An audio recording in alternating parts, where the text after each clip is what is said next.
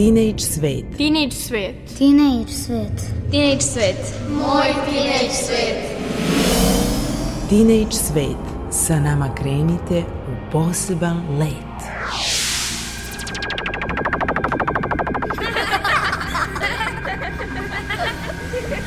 Kreativan dečji svet.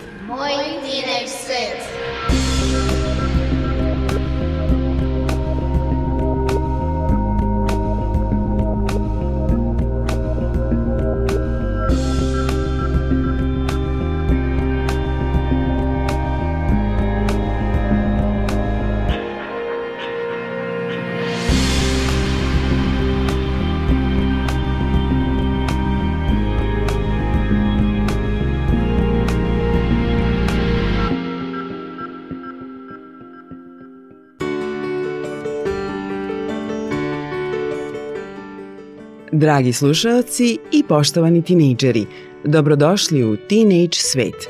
Pozdravlja vas Mira Petrušić koja će vas voditi kroz novo izdanje vaše omiljene emisije u kojoj vas očekuju naše stalne rubrike Priče za maštanje, Moje zanimanje, Sverom kroz jezik, ITT i pesme Jovana Jovanovića Zmaja.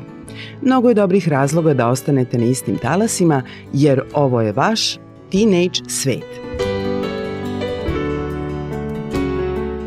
Za početak slušamo priču za maštanje Prokleta lepota Ilije Vukićevića. Ilija Vukićević Prokleta lepota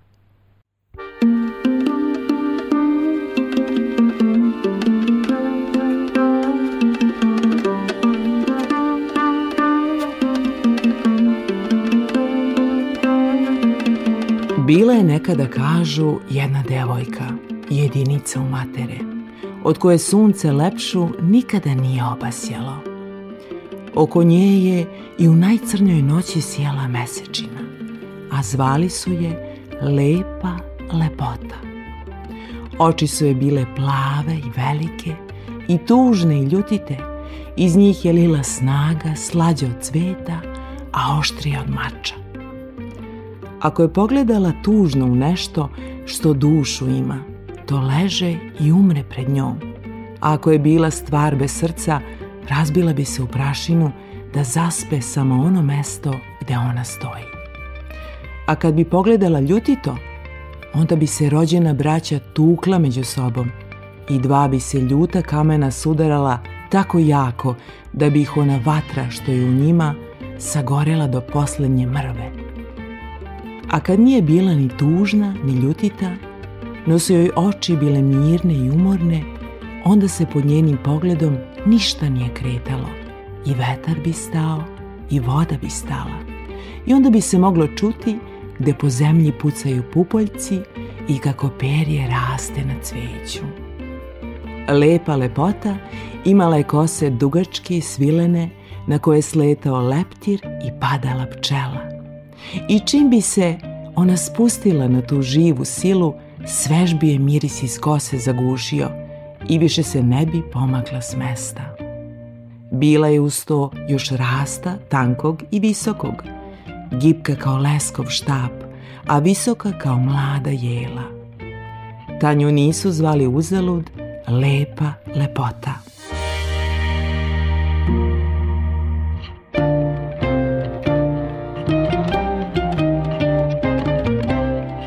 U to davno doba živeo je tu u jednoj šumici neki svetac, star i mudar, i činio je velika čuda. On je svojim reči navodio vodu na pustoš, prolamao brda i provodio kroz njih reke velike i male i davao je svakome ko bi mu došao sreću i nesreću. Njemu je mogao svako doći, ali ako bi svetac bio ljut, onda teško onome koji mu se moli. A ako je bio dobar, onda je taj sa srećom pošao na put, jer ako bi jednom starac rekao, nikada ne bi porekao, a što je kome udelio, ostalo bi svakome do veka.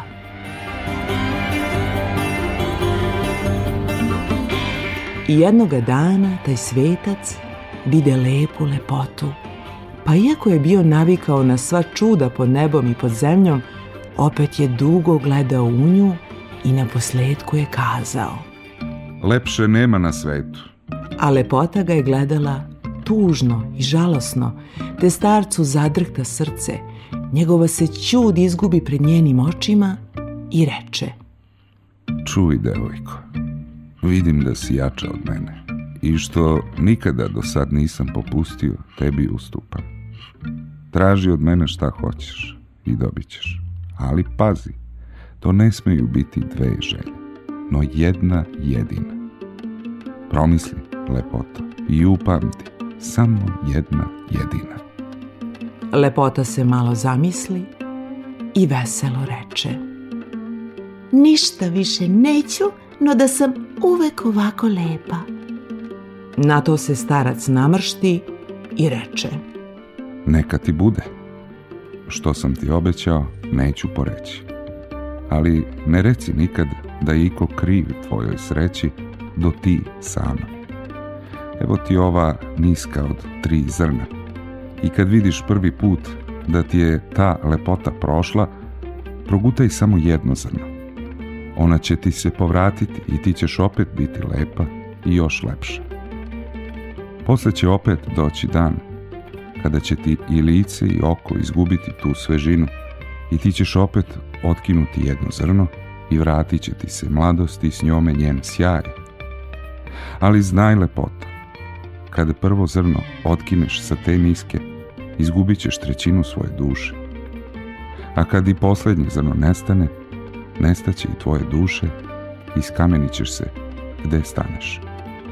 Onda će tvoju lepotu milovati hladna kiša i besni vetrovi, a na tvoje će kosi, gde sada leptir sleće, pre no na cvet, tu će se zmija saviti u kotur, spustit će glavu na tvoje belo čelo i palacat će jezikom u tvoje plave oči.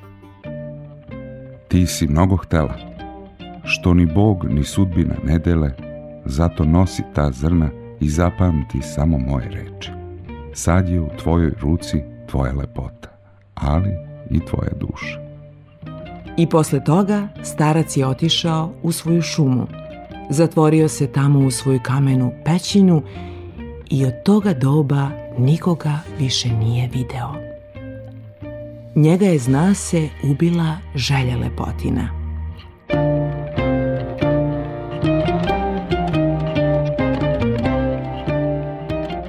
A lepota je uzela svoju nisku i rekla sebi čim je ostala sama. Ne mogu ja izgubiti dušu, a baš i da počnem da je gubim, zadržat ću poslednje zrno, da ga nikad ne otkinem, ali ću opet biti najlepša na svetu. Istoga dana ogledala se u bistroj vodi i rekla Prelepa sam, prelepa sam. da li mogu biti još lepša?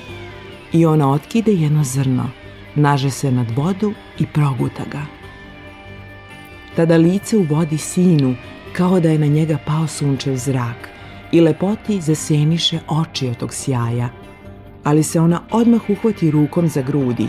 Nešto je bolno preseče kroz srce i ona oseti da joj se parče duše otkide i iziđe iz nje. Tako je izgubila trećinu svoje duše.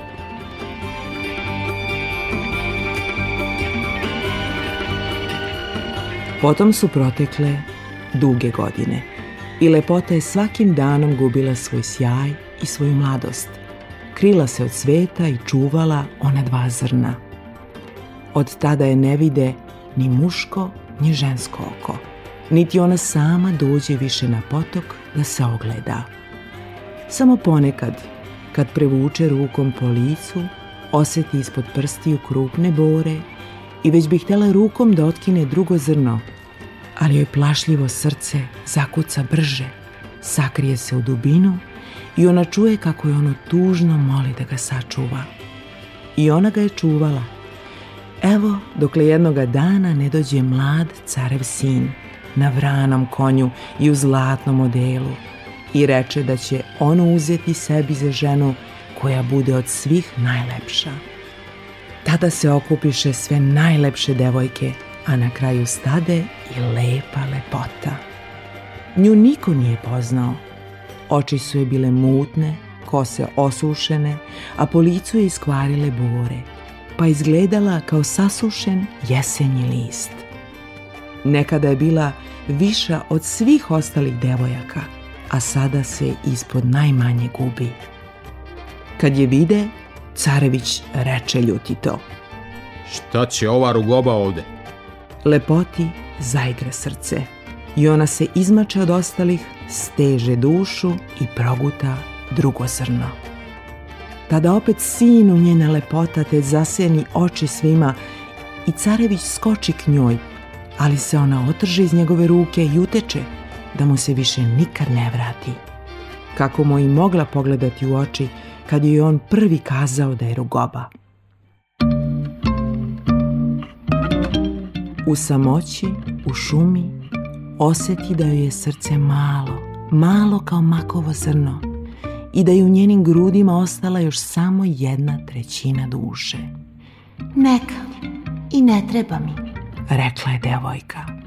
Protekle su mnoge godine i lepota oseti jednoga dana da joj je pod rukom lice smežurano i da je niko čak i ne gleda. Neka, i ne treba mi. I ko zna da li bi ostala večito tako tužna i uboga da jednoga dana ne vidi jednog mladog čobanina kome je Bog dao snagu i lepotu i za kim ne bi bilo srca devoječkog, a da ne uzdahne, niti ženskih očiju da ga makar krišom pogledaju. Kad je čobanin prvi put sreo lepu lepotu, upita je. Stara, kud vodi ovaj put? Ona i stara, ali to nije bio bol od koga je zadrhtala, kao ono pred carevim sinom. Sad joj beše žao, još nešto što do sad nije osetila. I tada njeno malo srce zadrhta i mala je duša zaplaka prvi put. I tada mu reče Ovaj put vodi ovamo, hajde za mnom. Posle toga ga je dovela do poljane prema bregu, okrenula se suncu i progutala poslednje zrno. Tu vide samo kako on diže k njoj ruke svoje i toga je časa ostavi duša. Kažu da se jednom u godini pred veče, kada sunce zalazi i kada je sve mirno, čuje tužan jauk devoječki nad onim kamenom, pa se taj pisak sve više gubi gore, sve više i najposle ga nestane negde pod samim nebom.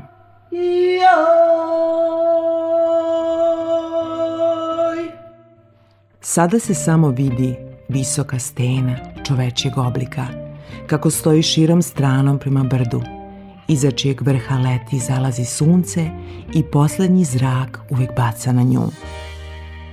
Tada uvek kamen ocene jače i svetlije, no preko celog dana i u njegovoj se blizini čuje tiho puckaranje, kao da se čelične igle kose jedna od drugu, pa posle neki tužan pisak što dolazi ispred kamena. A kad sunce zapadne za breg, taj se pisak odvoji od kamena, digne se više njega i stena ostane hladna i mrtva, dok je sunce opet ne oživi. A ta stena, kažu, bila je nekada najlepša devojka. Zvali su je Lepa Lepota.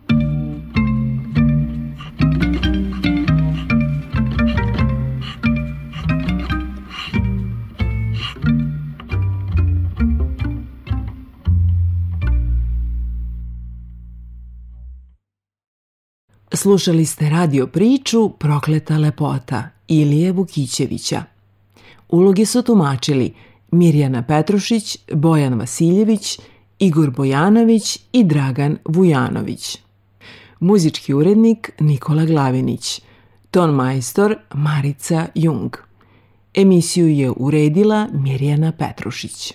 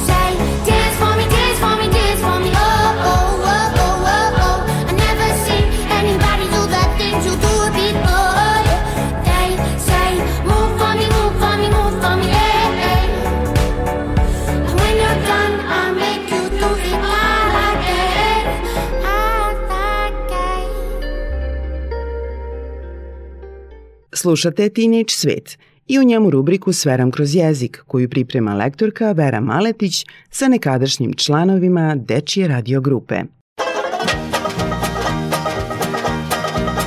S verom kroz jezik. Jezičke nedoumice za sve uzraste. Teenage svet. Izvoli, Hvala. molim. Da li bi mi, molim te, pridržala vrata? Pune su mi ruke. Naravno, izvoli. Hvala, baš si ljubazna. Hoćeš li mi dodati, molim te, onu knjigu? Kako da ne? Ja sam bliže, izvoli. Hvala. Dobar dan, Vera. Dobar dan, Vera. Zdravo Nađa, zdravo Uma. O čemu nam danas pričaš? I zašto smo danas tako fini? Pričamo danas o lepim rečima. Šta je to lepa reč? Ja tako zovem one reči kojima se može širiti dobrota i kako danas vole ljudi da kažu pozitivna energija. Da li je to baš prava i čisto jezička tema ili... I jeste i nije.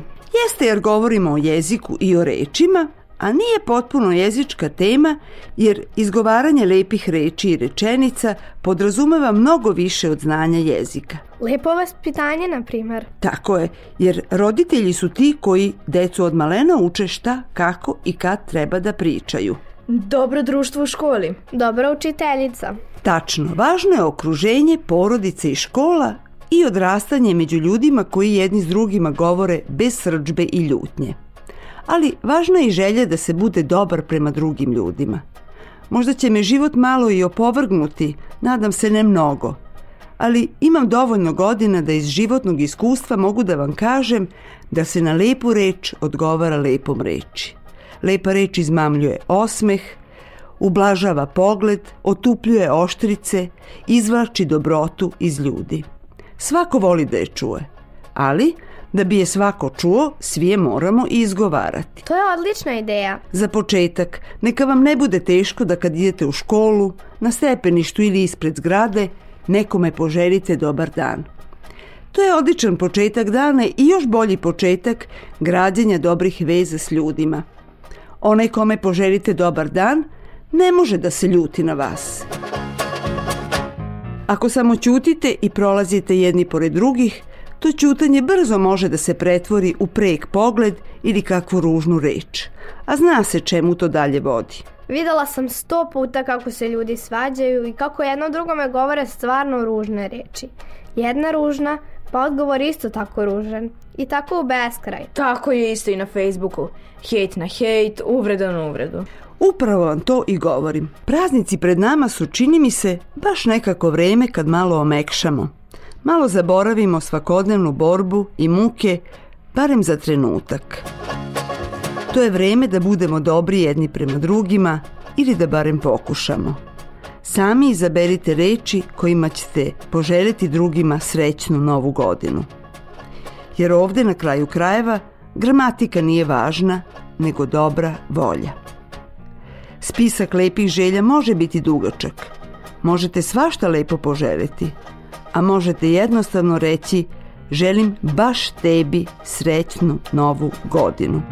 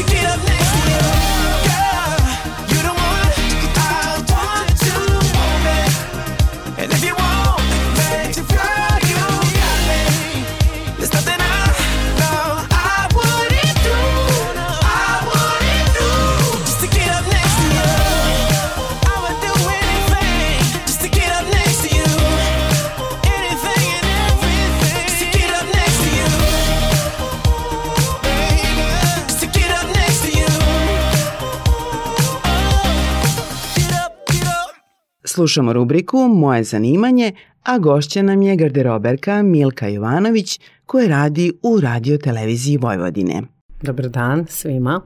Moje ime je Milka Jovanović i evo već 15 godina radim ovde u televiziji Vojvodine, malo kao garderober, malo kao modelar, stilista, ali sve u svemu, znači taj kreativni let posao. Koju školu je potrebno završiti da bi se bavio ovim što se ti baviš? Da, ja, moja velika ljubav je bila ovaj, konfekcija i e, bavljanje tekstilstvom, tako da sam tu školu i upisala, zapravo tekstilnu školu Jovan Vukanović i smer koji sam upisala je bio konfekcionar krojač iz e, velike želje i ljubavi da naučim da šijem, da krojim, da kreiram. Eto, to je bila neka ideja. Koje su dobre, a koje loše strane ovog posla? Pretpostavljam da ima puno i kreativnosti, rada s ljudima, kako sve to izgleda? Pa svakako, mislim, taj posao je izuzetno kreativan i može da bude još više kreativan ako vi to zaista volite. Onda možete da pustite mašti na slobodu i, i da napravite bukvalno šta god poželite jel? od tih krpica, da tako kažem. Uh, mislim kao i svaki posao ima i dobre i loše strane, uh, ali ja nekako uvek vidim dobre strane. Sad u ovom trenutku te neke loše ne mogu ni da se setim koju bi mogla da na, nabrojim. Uh, ja kažem, gledam sve nekako samo dobre strane tog posla. E, što se tiče kreativnosti, da li si ponosna na neki svoj rad, neki kostim koji si uradila? Pa apsolutno jesam, bilo je dosta radova. Evo konkretno recimo jedan kad sam došla kao jel mlada na ovu televiziju, vrlo brzo sam dobila eto zadatak da radim na jednom serijalu znamenite ličnosti Novog Sada na koji sam eto ponosna. Posle sam i čula da je taj projekat dobio i nagradu i što se tiče kostima i svega.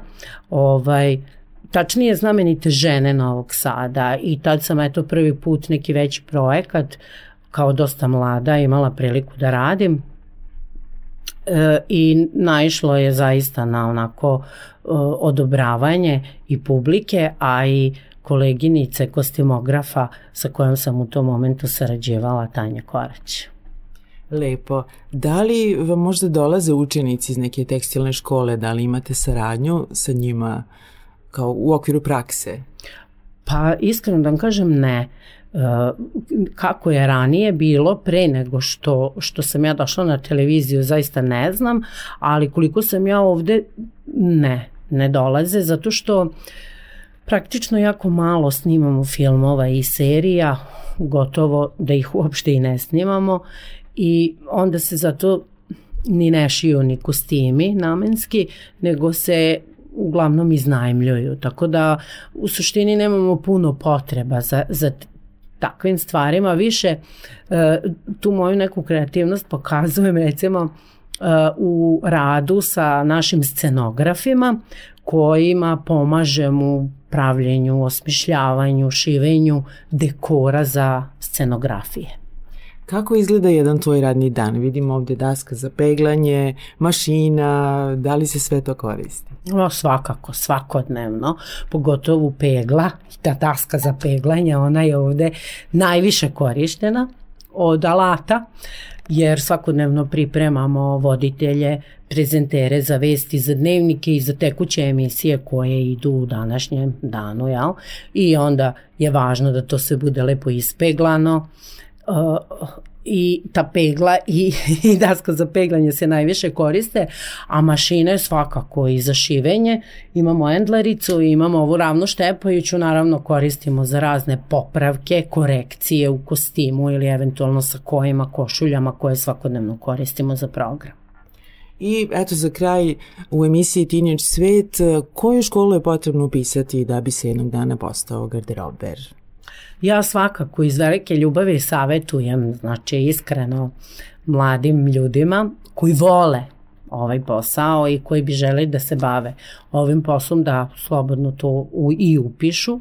Ovaj, to je tekstilna škola Jovan Vukanović, koliko imam informaciju, sada je to malo i modernizovano, postoji smer modelar stilista koji pruža onako baš široko i obrazovanje, a i dosta tih praktičnih radova koji ovaj, za te četiri godine obrađuju u školi gde mogu da nauče dosta toga i o krojenju i o šivenju i o samom modelovanju koje je jako bitno za odeću.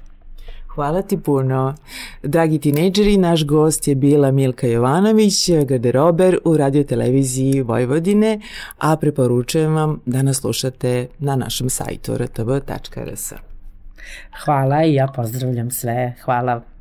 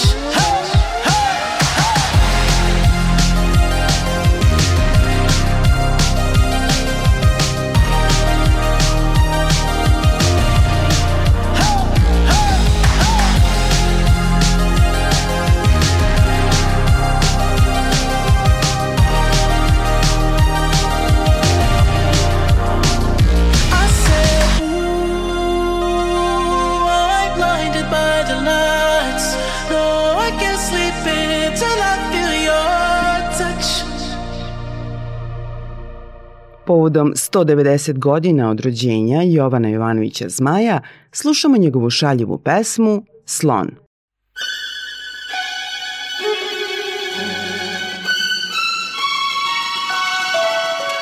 Jovan Jovanović Zmaj Slon Podiglo se šest drugova u Indiju u daleku. Želja im je vidjet slona, ne vidli ga u svom veku. Rekao im jedan starac. Priznaje vam prohtev lepi, ali vi ljudi vidjet slona ne možete, jer ste slepi. Jer odista, slepi behu, sva šestorca valja znati, ali odgovor njihov beše, mi ćemo ga opipati. E pa dobro, kad je tako. I odoše šest drugova i stigoše u Indiju do slonova. Primače se jedan bratac jednom slonu i to s boka. Opipa ga, onda reče, vala stvar je to široka. Ne treba mi očni vid, slon izgleda kao zid. Drugi bratac, taj je opet spreda stao, pa je slonu zub dugački opipao. I on reče, e sad mi je stvar poznata, slon izgleda kao direk mojih vrata.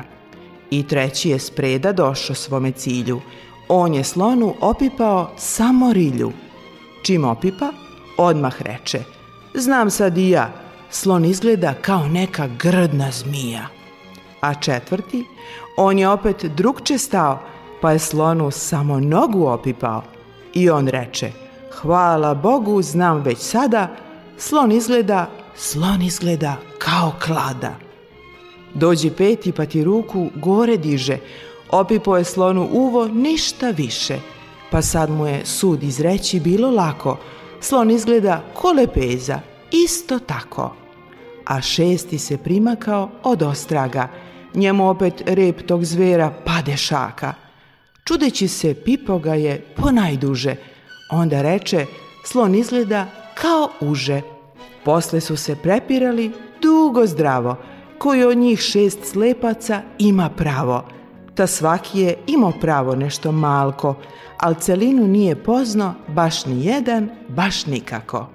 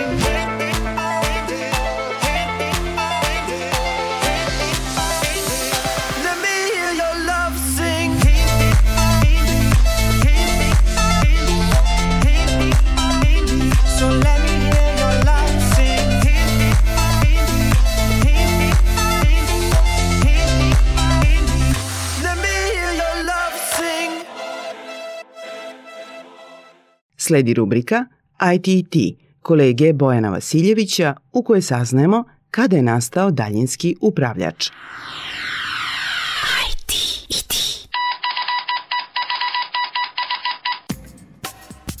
Ko je izmislio daljinski upravljač?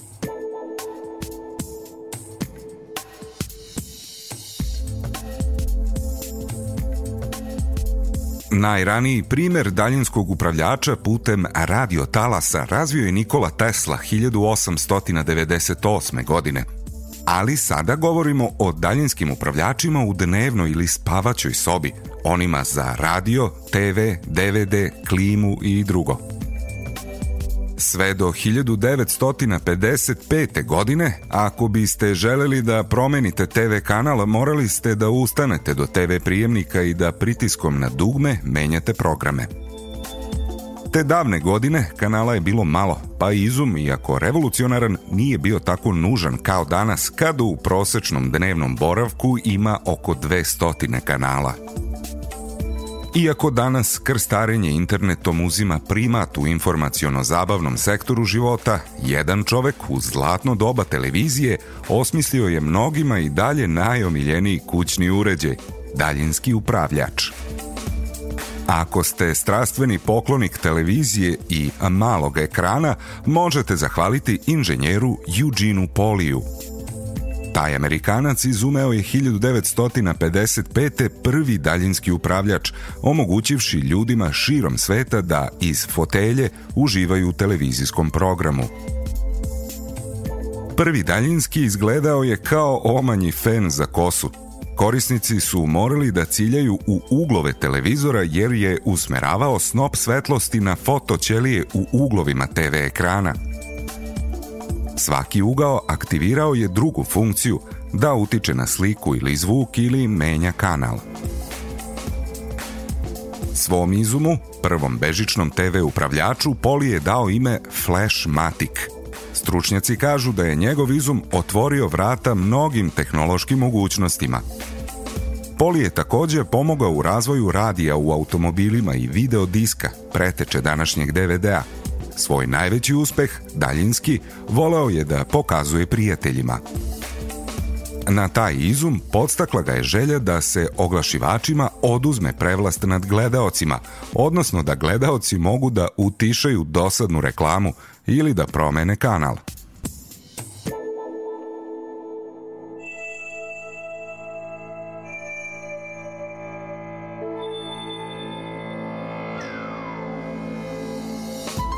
I za kraj, mali savet. Ako sumnjate u ispravnost vašeg daljinskog upravljača, kamera na mobilnom telefonu registruje svetlo sa infracrvenih dioda na prednjoj strani upravljača.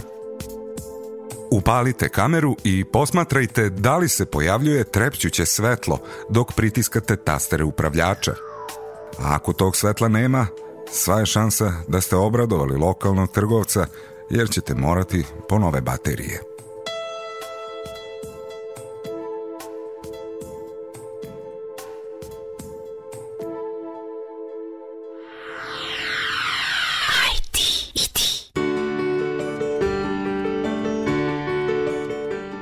Dragi slušalci i poštovani tinejdžeri, hvala vam na pažnji. Sa vama su se družili muzička urednica Maja Tomas, ton majstor Tomislav Tomov i urednica emisije Mirjana Petrušić Zmajovana koja vas od srca pozdravlja i želim vam nasmejan dan uz pesmu koja sledi. Do slušanja!